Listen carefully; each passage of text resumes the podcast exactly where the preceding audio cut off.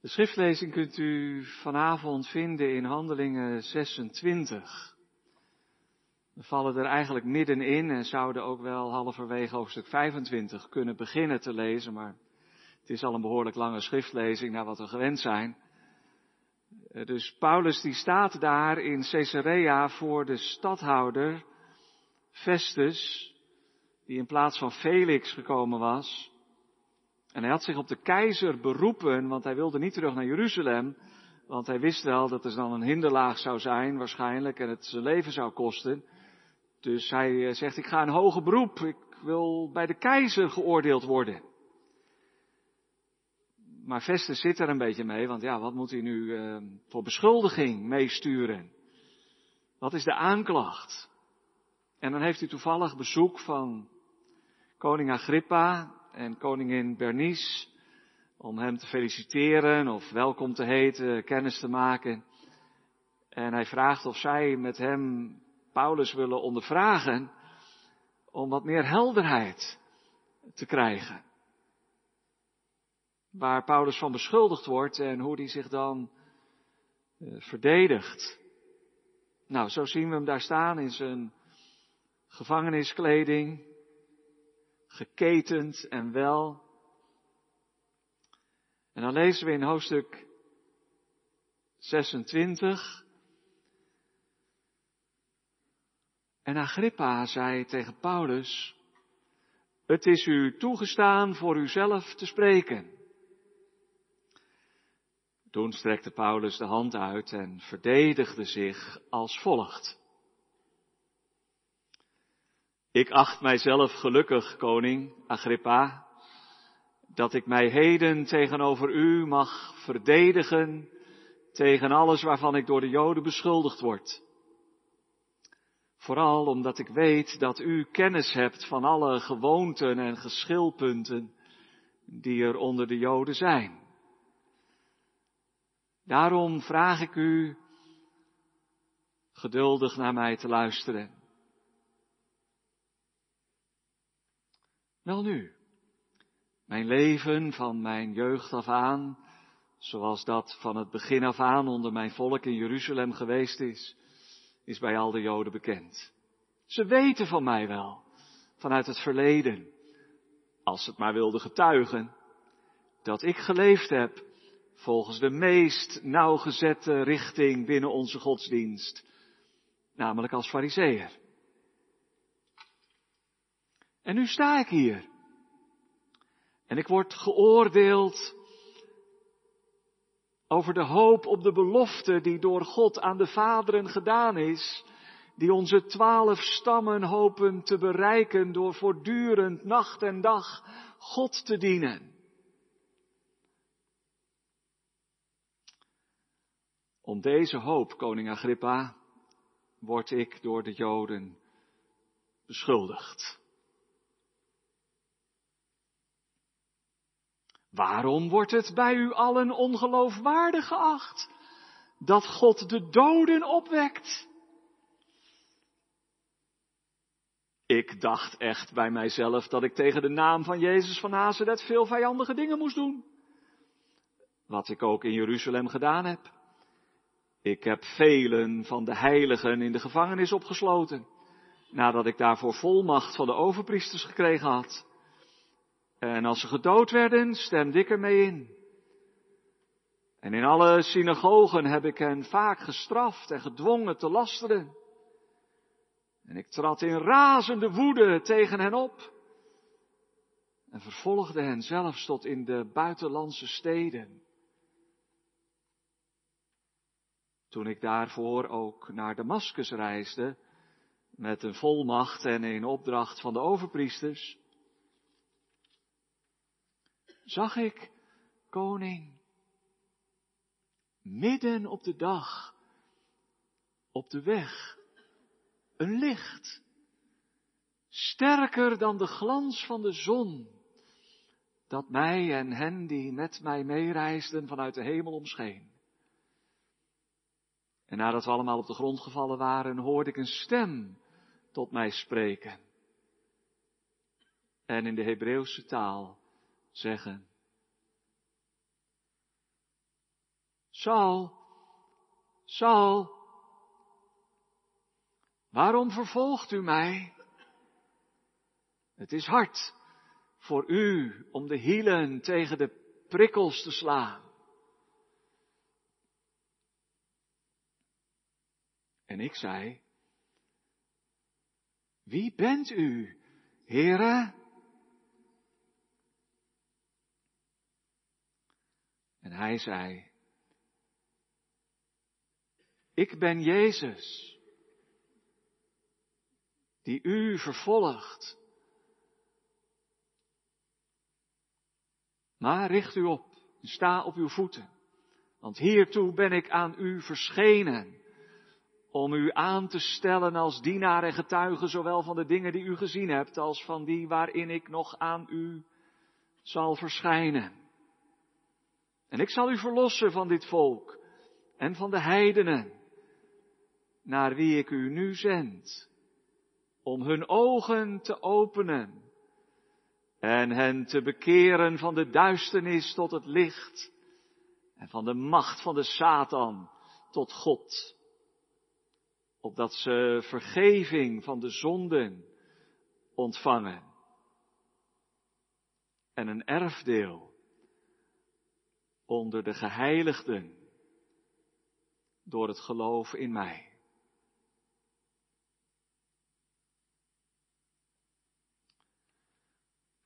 Daarom, koning Agrippa, ben ik die hemelse verschijning niet ongehoorzaam geweest.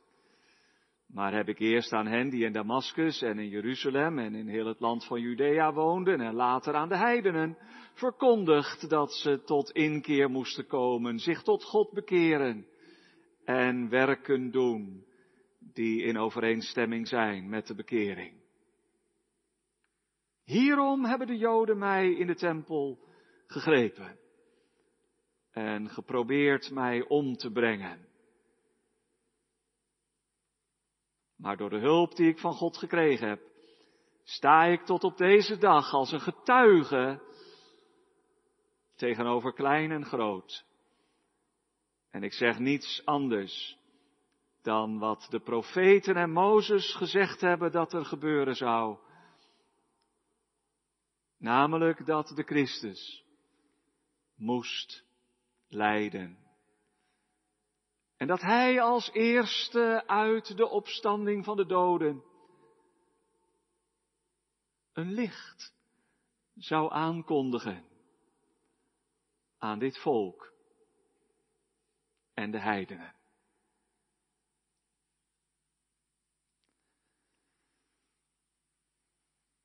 En toen hij deze dingen ter verdediging sprak, zei Festus met een luide stem,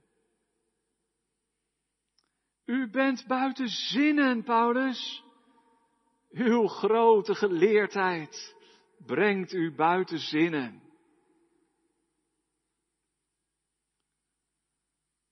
Maar hij zei, ik ben niet buiten zinnen, zeer machtige Vestus, maar ik spreek woorden van waarheid en van gezond verstand.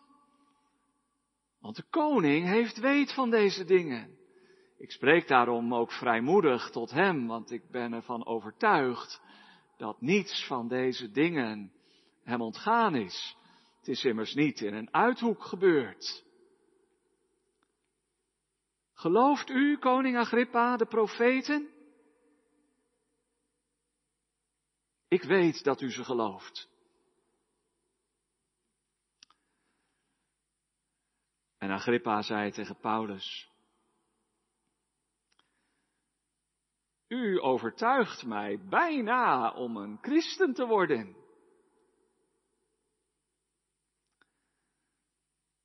En Paulus zei,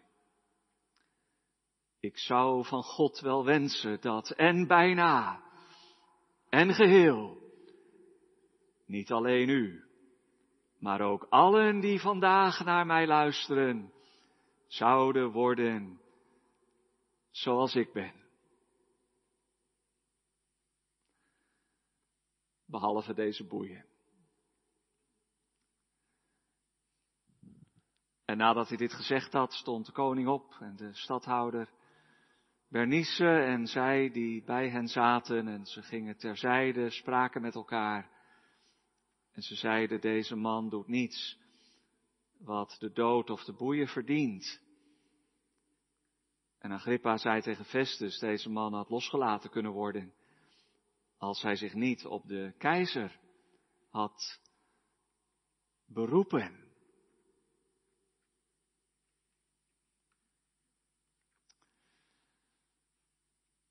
Het is mooi dat een en andermaal en drie keer in het gedeelte dat we gelezen hebben, het evangelie vergeleken wordt met een licht. Het licht dat uit de hemel Paulus omscheen op weg naar Damaskus.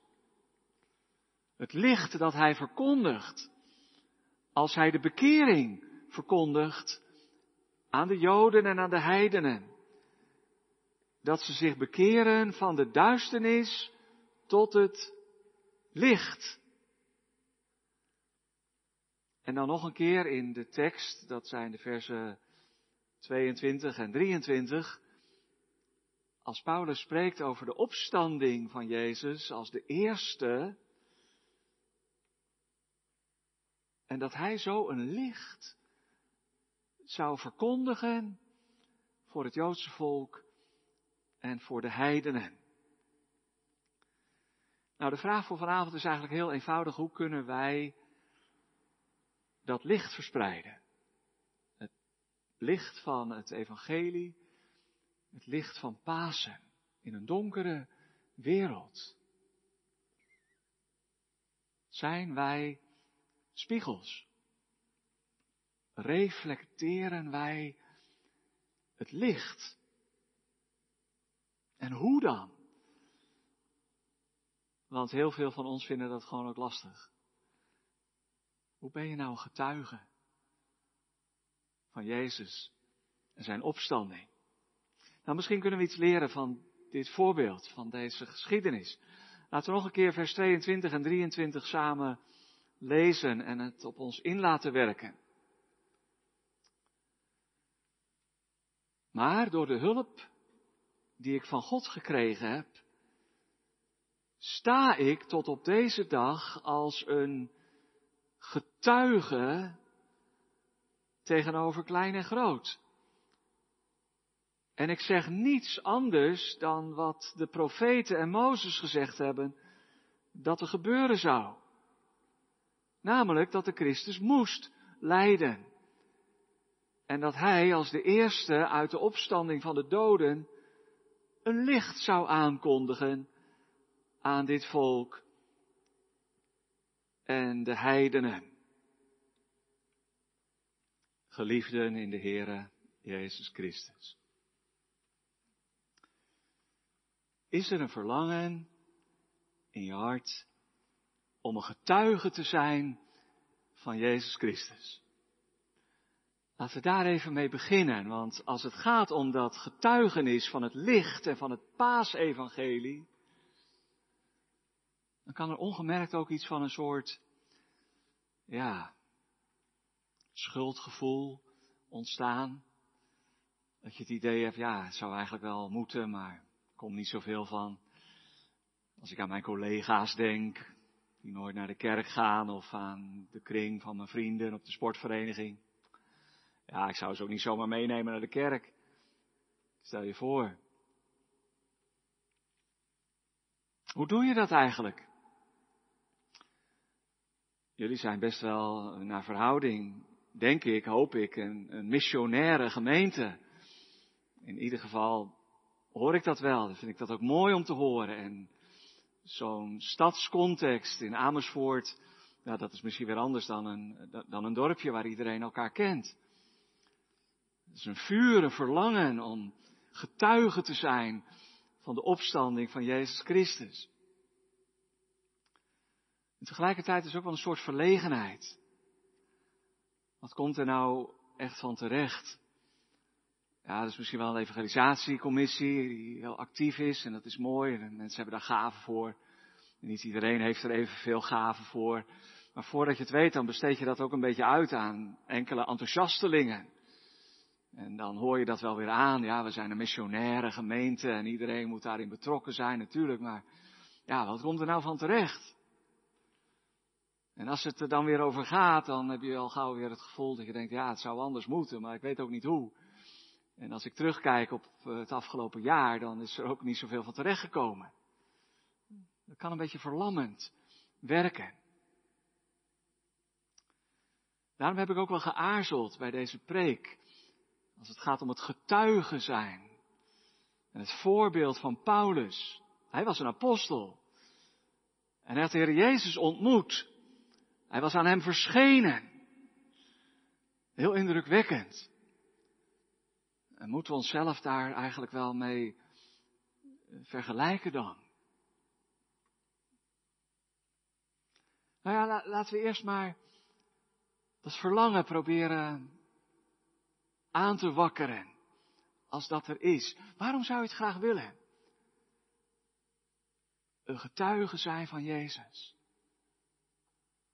Wees eens eerlijk. Ik hoop dat je het wel graag wil. Ook al voel je er verlegen mee. Waarom? Waarom wil je dat? Ja, misschien zeg je wel, ik weet hoe belangrijk dat voor mij is, dat geloof in Hem, dat Hij leeft, dat ik met al mijn zorgen en vragen, maar ook met mijn zonden, bij Hem terecht kan, dat ik weet van Zijn liefde. Ik zou het niet kunnen missen. Ik las laatst van iemand die christen was geworden, dat schreef op Twitter, ik kon me vroeger niet voorstellen dat ik zou kunnen geloven. Ik kon me niet indenken. Maar nu kan ik me niet meer voorstellen dat ik niet zou geloven. Dat is zo anders. Wonderlijk eigenlijk. Een mooi getuigenis. Ja, dat wil je dan ook delen toch met anderen. Als het zo belangrijk is voor je. En als je erover nadenkt, dan zijn er misschien ook wel mensen in je omgeving die het best wel zouden kunnen gebruiken.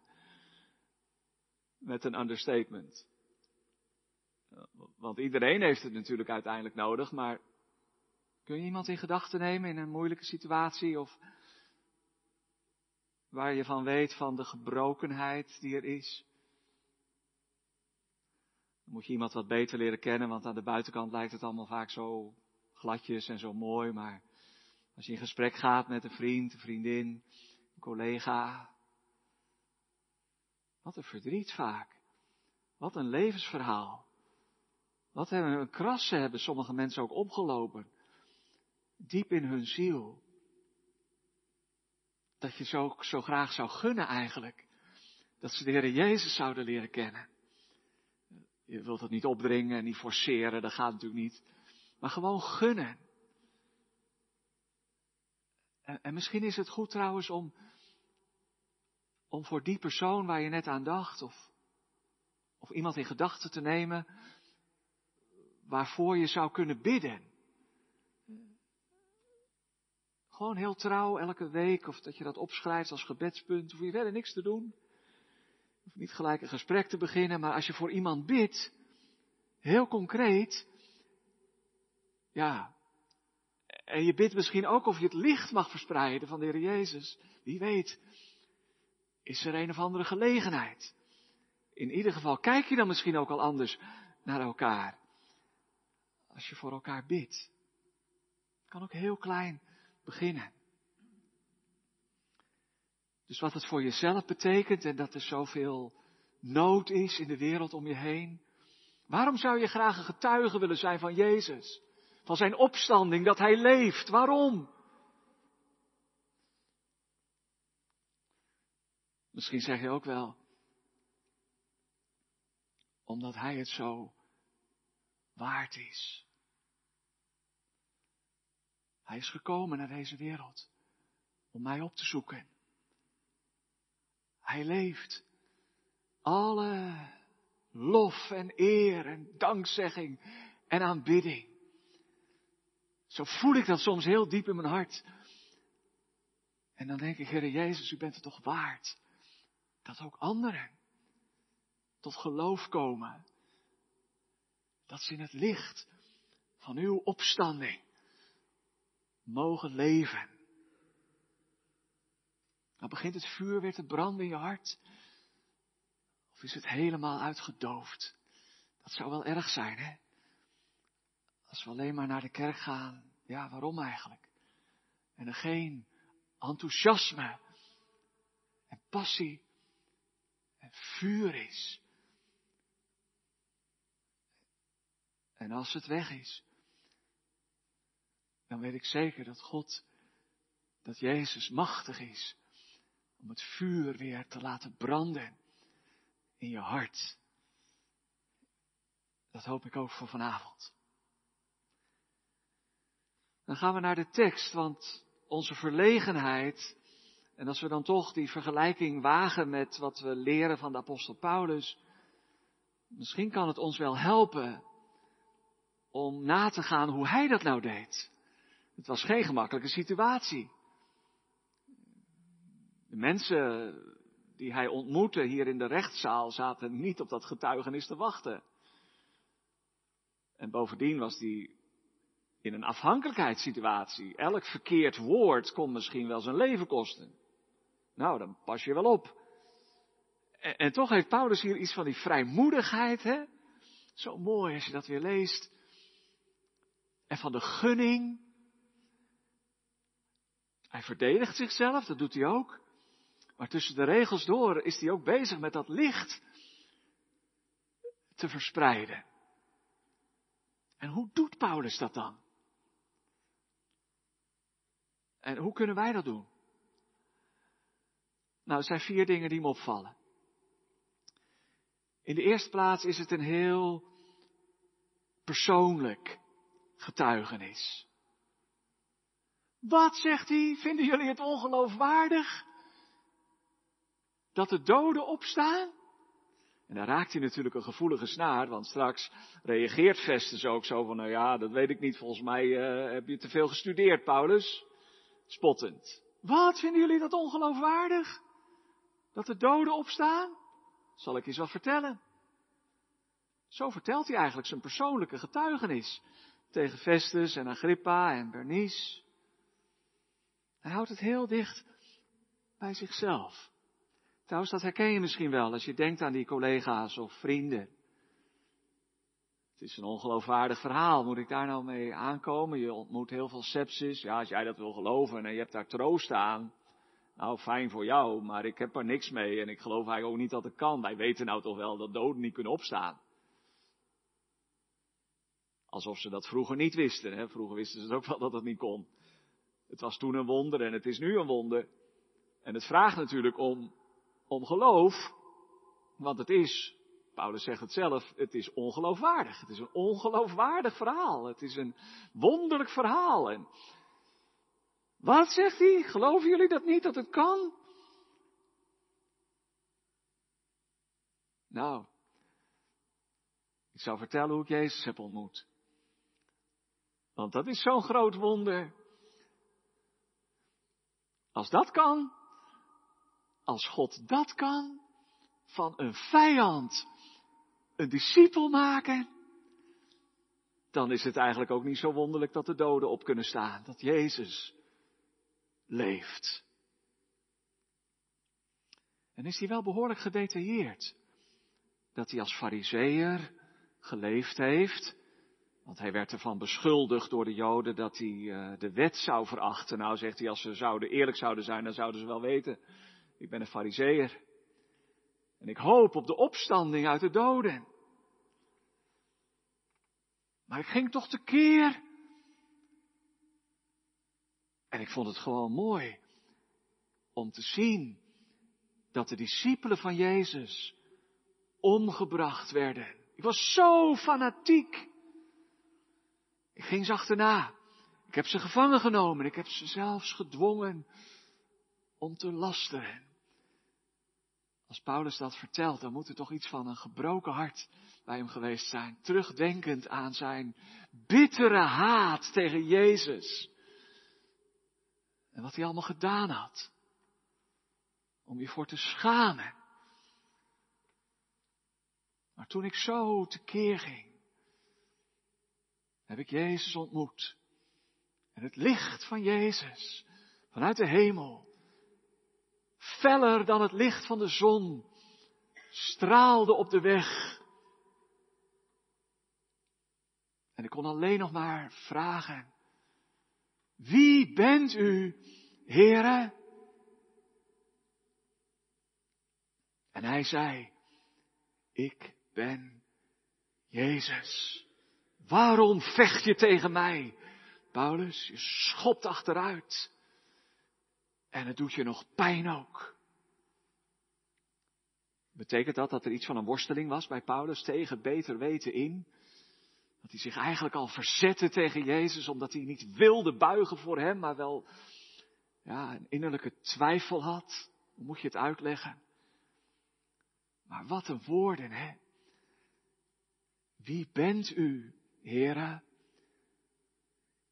Ik ben Jezus. En weet u, koning Agrippa, die ontmoeting heeft alles in mijn leven veranderd. Ik heb Jezus zelf ontmoet. En ik weet het zeker. Hij leeft. Dat is een persoonlijke getuigenis. En misschien denk je juist daarom ook wel, ja, ik heb dat niet, natuurlijk, zo'n spectaculair verhaal. Als je dat kan vertellen, dan is het misschien wel makkelijker om te evangeliseren en te getuigen, want ja, eh, dat is zo bijzonder. Ik heb dat niet. Ik heb geen licht gezien en uh, geen stem gehoord. Ik ben er ook bij opgevoed bij het christelijk geloof en heb het wel nodig. Ik heb Jezus nodig. Maar om nou te zeggen dat, dat ik van een vijand een discipel geworden ben, dat zijn nogal grote woorden. Niet zo letterlijk als bij Paulus, tenminste. Nou ja, dat herken ik ook wel. Ik heb ook geen spectaculaire bekering om, om te vertellen en om, om, om nou eens eh, uit te leggen wat er allemaal in mijn leven gebeurd is. Trouwens, daar zijn we ook een beetje, ja, dat doen we eigenlijk niet zo, hè. Een beetje schroom om daarover te praten. En, en, toch, als ik erover nadenk, hoewel er een enorm verschil is met de apostel Paulus en ons verhaal, zou ik wel willen zeggen, houd het maar heel dicht bij jezelf. Juist in onze tijd is dat heel belangrijk. Dat het door je heen gegaan is. En je hoeft geen groot verhaal te vertellen. Maar misschien wel die ontmoeting. Dat hij gesproken heeft. Toch? Misschien fluisterend. Misschien heel geleidelijk, dat je niet eens meer weet wanneer dat begonnen is. Maar dat hij tegen je gezegd heeft, toen jij vroeg, wie bent u, heren? Dat hij gezegd heeft, ik ben Jezus.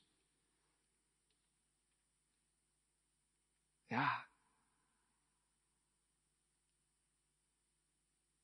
Zou je dat kunnen vertellen? Misschien niet eens meteen aan je seculiere collega's. Maar ik denk wel eens, we oefenen dat te weinig. Onder elkaar. In de gemeente. In de familie, op een verjaardag. Waar gaat het allemaal over? In je eigen gezin misschien. Wat is het moeilijk om te vertellen over Jezus? Waarom is dat zo moeilijk? omdat we dat persoonlijk vinden, omdat we het lastig vinden. Hoe, hoe geef je daar woorden aan? Maar we maken het veel te groot misschien. Dat getuigenis. Laten we heel klein beginnen. Kun je dat nou delen? Dat je van een vijand een discipel geworden bent. Nou, misschien niet zoals Paulus. Maar dat je wel iets geleerd hebt van die genade en ontferming. Dat hij je heeft opgezocht. Ondanks alles. En dat hij je heeft getrokken uit de macht van de duisternis. Naar het licht van de zonde. naar de vergeving, van de dood naar het leven. Dat je zijn stem gehoord hebt bij het lezen van de Bijbel of in die ene preek. Of bij het zingen van het lied. Dat je zo diep raakte. Ik ben Jezus. Een persoonlijk getuigenis. Begin maar gewoon te vertellen. Wie Jezus voor je is. Dat mag. En als je je mond open doet en een poging waagt, dan. Ik geloof dat de Heer je helpt. En dan komen de woorden soms verrassend. Dan ben je misschien zelf verrast dat, dat, dat je het zo kon vertellen. Ook al voelt het soms net alsof je iets prijsgeeft, hè? iets persoonlijks deelt, dat blijft een drempel.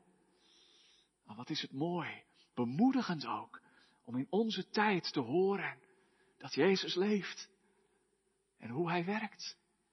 Laten we dan maar beginnen met elkaar te bemoedigen. Persoonlijk getuigenis. Maar, en dat is toch ook wel belangrijk, dat is eigenlijk het tweede hier. Terwijl Paulus heel persoonlijk is, verwijst hij ook naar de Bijbel. Dat is ook in onze tekst zo.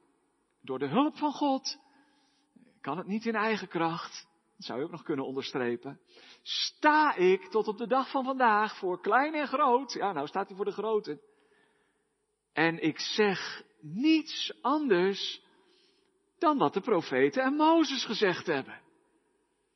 Dus het is wel door hem heen gegaan, maar hij verwijst ook naar de bron. Dat geloof van Paulus is niet maar een of andere mystieke ervaring, maar het is gebaseerd op de schrift. Een bijbels getuigenis. En dat doet Paulus niet altijd. Dat deed hij niet bij Felix, de vorige stadhouder. Die had ook niks met de Bijbel. En dan moet je daar misschien een beetje voorzichtig mee zijn, want dan heeft het niet zoveel zin. En hij spreekt wel over rechtvaardigheid en matigheid. Nou, daar kon hij uh, in zijn zak steken, Felix. En over het laatste oordeel, waar de heiden ook wel in geloofden. Maar hier, en dan zie je dat Paulus zich soms ook aanpast aan zijn publiek. Hier verwijst hij nadrukkelijk naar Mozes en de profeten. Dat doet hij niet eens voor Festus, maar voor Agrippa. Agrippa was koning in het Noordoosten. Als je de kaart van Israël in gedachten neemt, daar rechtsboven het meer van Galilea in Decapolis. En Agrippa was een achterkleinzoon van Herodes de Grote. In Judea en Jeruzalem waren stadhouders, hè, Pontius Pilatus, Felix, nu Festus. Maar er waren ook nog koningen in dat gebied. Natuurlijk allemaal onder het gezag van de Romeinse keizer. En die koningen stamden vaak uit het huis van Herodes, de Herodianen. En ze hadden grote sympathie voor het Joodse geloof. Herodes was zelf uh, uit Edom, van Esau, geen Jood. Maar binnen dat Romeinse Rijk namen ze het vaak voor de Joden op, voor vrijheid van godsdienst, voor de Joodse godsdienst. En er waren contacten met de Sadduceeën in Jeruzalem. En Agrippa had zich ook verdiept in de Bijbel. Gelooft u, koning Agrippa, de profeten? Ik weet dat u ze gelooft, zegt Paulus. En dan kan hij er dus ook naar verwijzen. Ik zeg niets anders dan wat de Bijbel zegt. Mijn getuigenis van de opstanding van Jezus uit de doden is de vervulling van de profetieën die God aan Mozes en de profeten gegeven heeft. Mooi hè, ook wel goed om even af te tasten. Als iemand er echt helemaal niks mee heeft, moet je niet gelijk met de Bijbel aankomen. Dat werkt meestal niet. Met het gezag van de Bijbel. Ik geloof dat omdat het in de Bijbel staat. Ja, zegt iemand, ja, zo wat. maar, maar, misschien is iemand erbij opgevoed. En je hoopt dan dat ze niet echt zo teleurgesteld zijn dat ze helemaal afgehaakt hebben, of misschien op de christelijke school gezeten vroeger, dan kun je nog refereren aan de verhalen uit de Bijbel. Er is ook wel wijsheid voor nodig. Je hoeft het niet altijd in te brengen, maar voor jezelf is het wel belangrijk. Dat je weet waarom je gelooft. En dat je ook thuis bent in de schriften. Ik zou bijna zeggen, de beste voorbereiding voor het evangelisatiewerk is bijbelstudie. Je kunt natuurlijk een cursus volgen, communicatie. En hoe doe je dat? Dat je er niet gelijk met een gestrekt been in moet gaan. En dat je moet luisteren. Dat is allemaal waardevol en waar. En goed. Maar de beste voorbereiding, dat is toch dat we leven bij het woord. Dat we thuis zijn in de schriften. Bij het eerste punt dat ik noemde, zou je kunnen zeggen, het beste bewijs van de opstanding, dat ben je zelf. Dat mag je tenminste hopen. Hij leeft. Hij leeft. En dat merk ik. Misschien voel ik het niet elke dag, maar dat merk ik in mijn dagelijks leven. Je bent een bewijs. Als je een discipel bent van Jezus, ben je een bewijs van zijn opstanding. Maar de beste voorbereiding is dat je thuis bent in de Bijbel. Niets anders dan wat Mozes en de profeten gezegd hebben dat er gebeuren zou. En wat is dat dan? En dat is het derde wat ik met jullie wil delen. Dat gaat dan over de kruisdood, het lijden en over de opstanding van Christus uit de doden. En dan onderstreep ik in de tekst het woordje moest. Namelijk dat de Messias moest lijden en opstaan. Dat is echt een woord van Lucas. Dat moeten. De engel zegt het al tegen de vrouwen, als Lucas dat beschrijft. Jezus heeft het toch gezegd dat hij moest lijden en sterven en op de derde dag opstaan uit de doden. En in uh, Lucas 24, we hebben dat net gezongen, de berijming van de Emmausgangers, zegt Jezus het ook zelf. Moest de Christus niet al deze dingen lijden en zo in zijn heerlijkheid ingaan? Het moest. Er zit iets achter. Het is niet zomaar uh, toevallig een mislukt leven. Jezus als een soort slachtoffer van zinloos geweld. Ja, zo kun je er ook wel naar kijken. Maar, maar als je Mozes en de profeten leest, dan zit daar een plan achter. Dat is Gods plan. Dat moest. Nou ja, als het dan over de inhoud gaat van dat getuigenis. En dat is toch ook belangrijk. Dan zou je heel simpel kunnen zeggen, het gaat om de vraag bij dat getuigenis en het licht van Pasen. Het gaat om de vraag, waarom moest dat nou? Waar was het voor nodig? Als je dat nou, ik zou bijna zeggen, in je achterhoofd paraat houdt.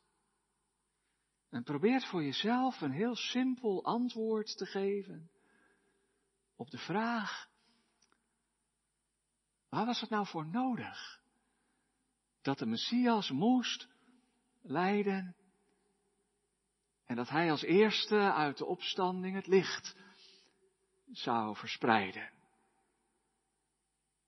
Hoe zou je dat dan, hoe zou je dat dan delen? Waarom moest het?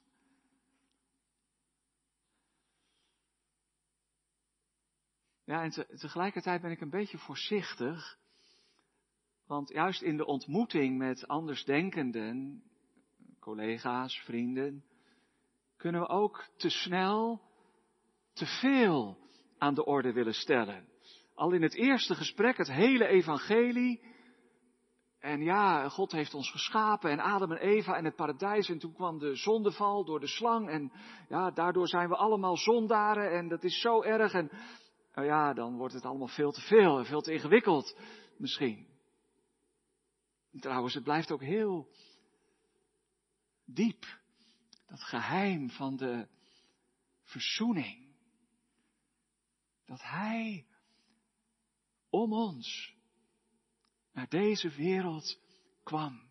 Hoe breng je dat nou over als je hart daar vol van is? Als dat de kern is van het evangelie.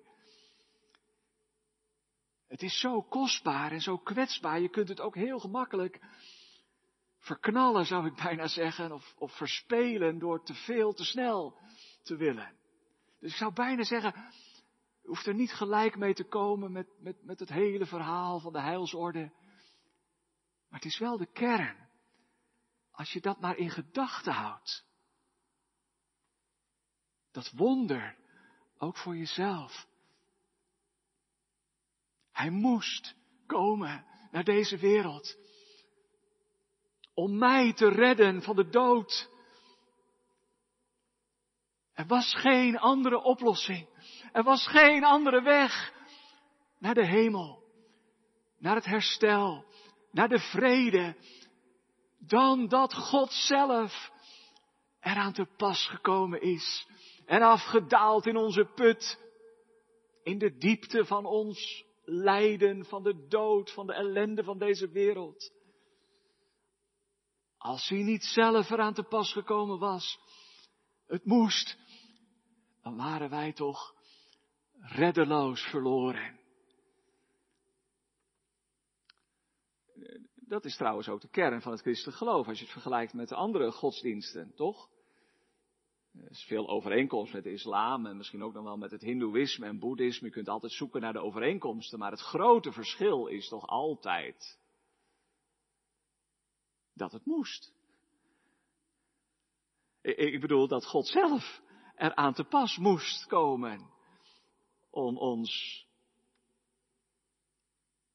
voor zijn rekening te nemen.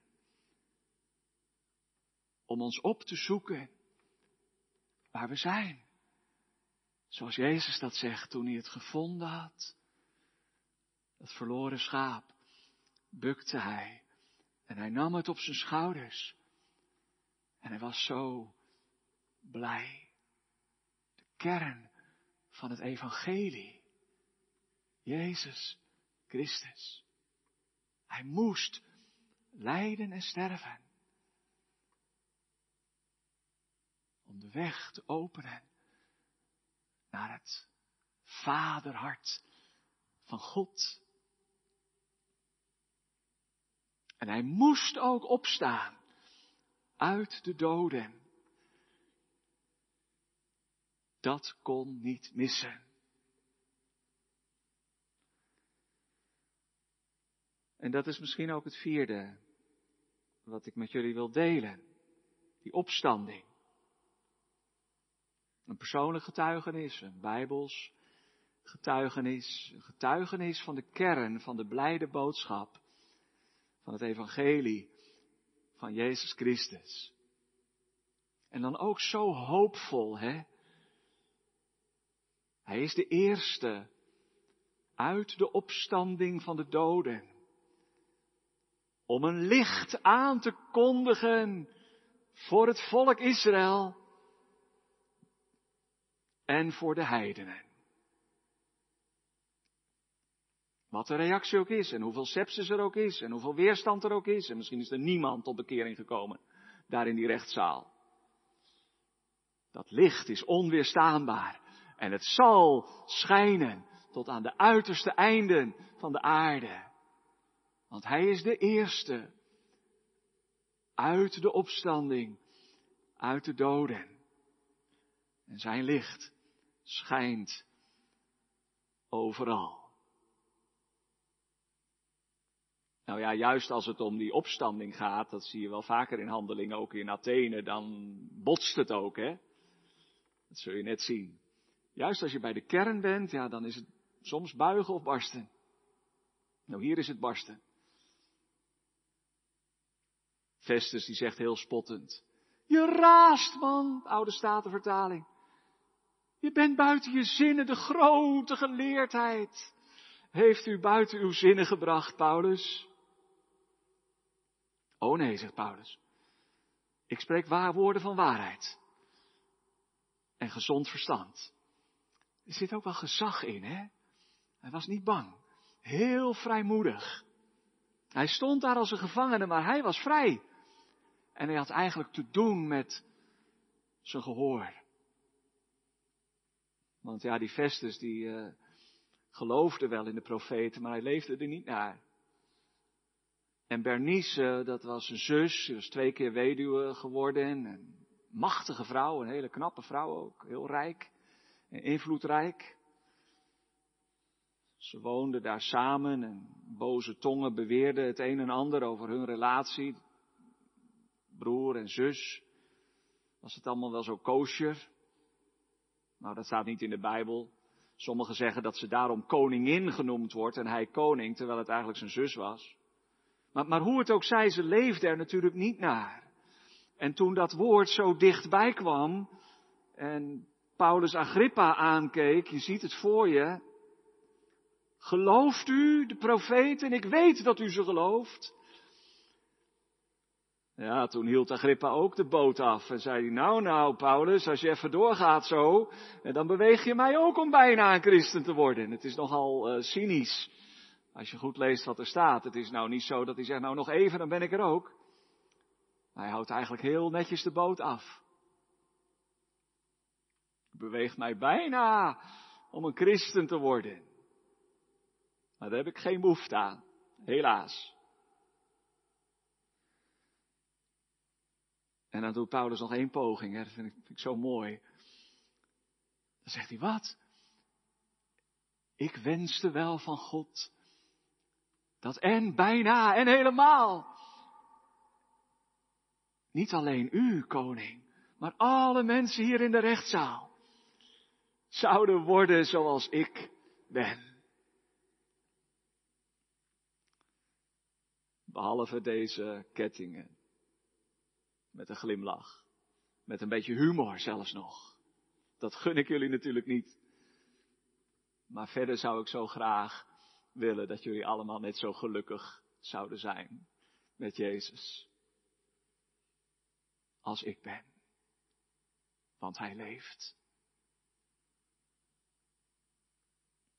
Zou dat nou kunnen? Ook vandaag?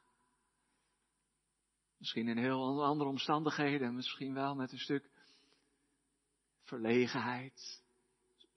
Schuldgevoel gaat je niet verder helpen, dat wil ik ook niet aanwakkeren. Maar zou dat nou kunnen dat je, dat je zo van de week aan het werk gaat,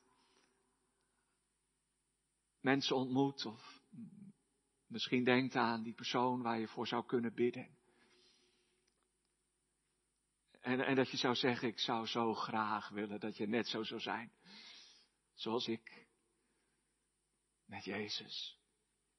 Want Hij leeft. Dat is de kracht van het evangelie.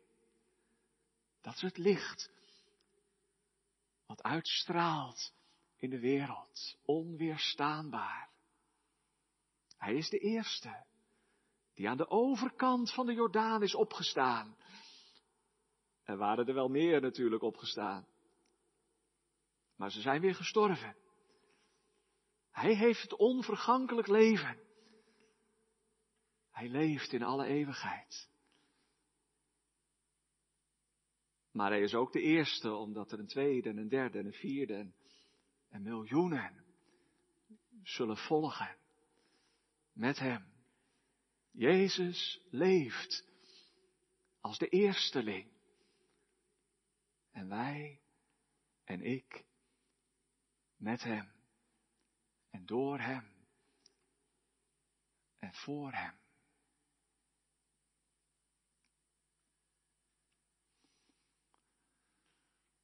Jongens en meisjes, misschien vonden jullie het ook wel een lastige preek.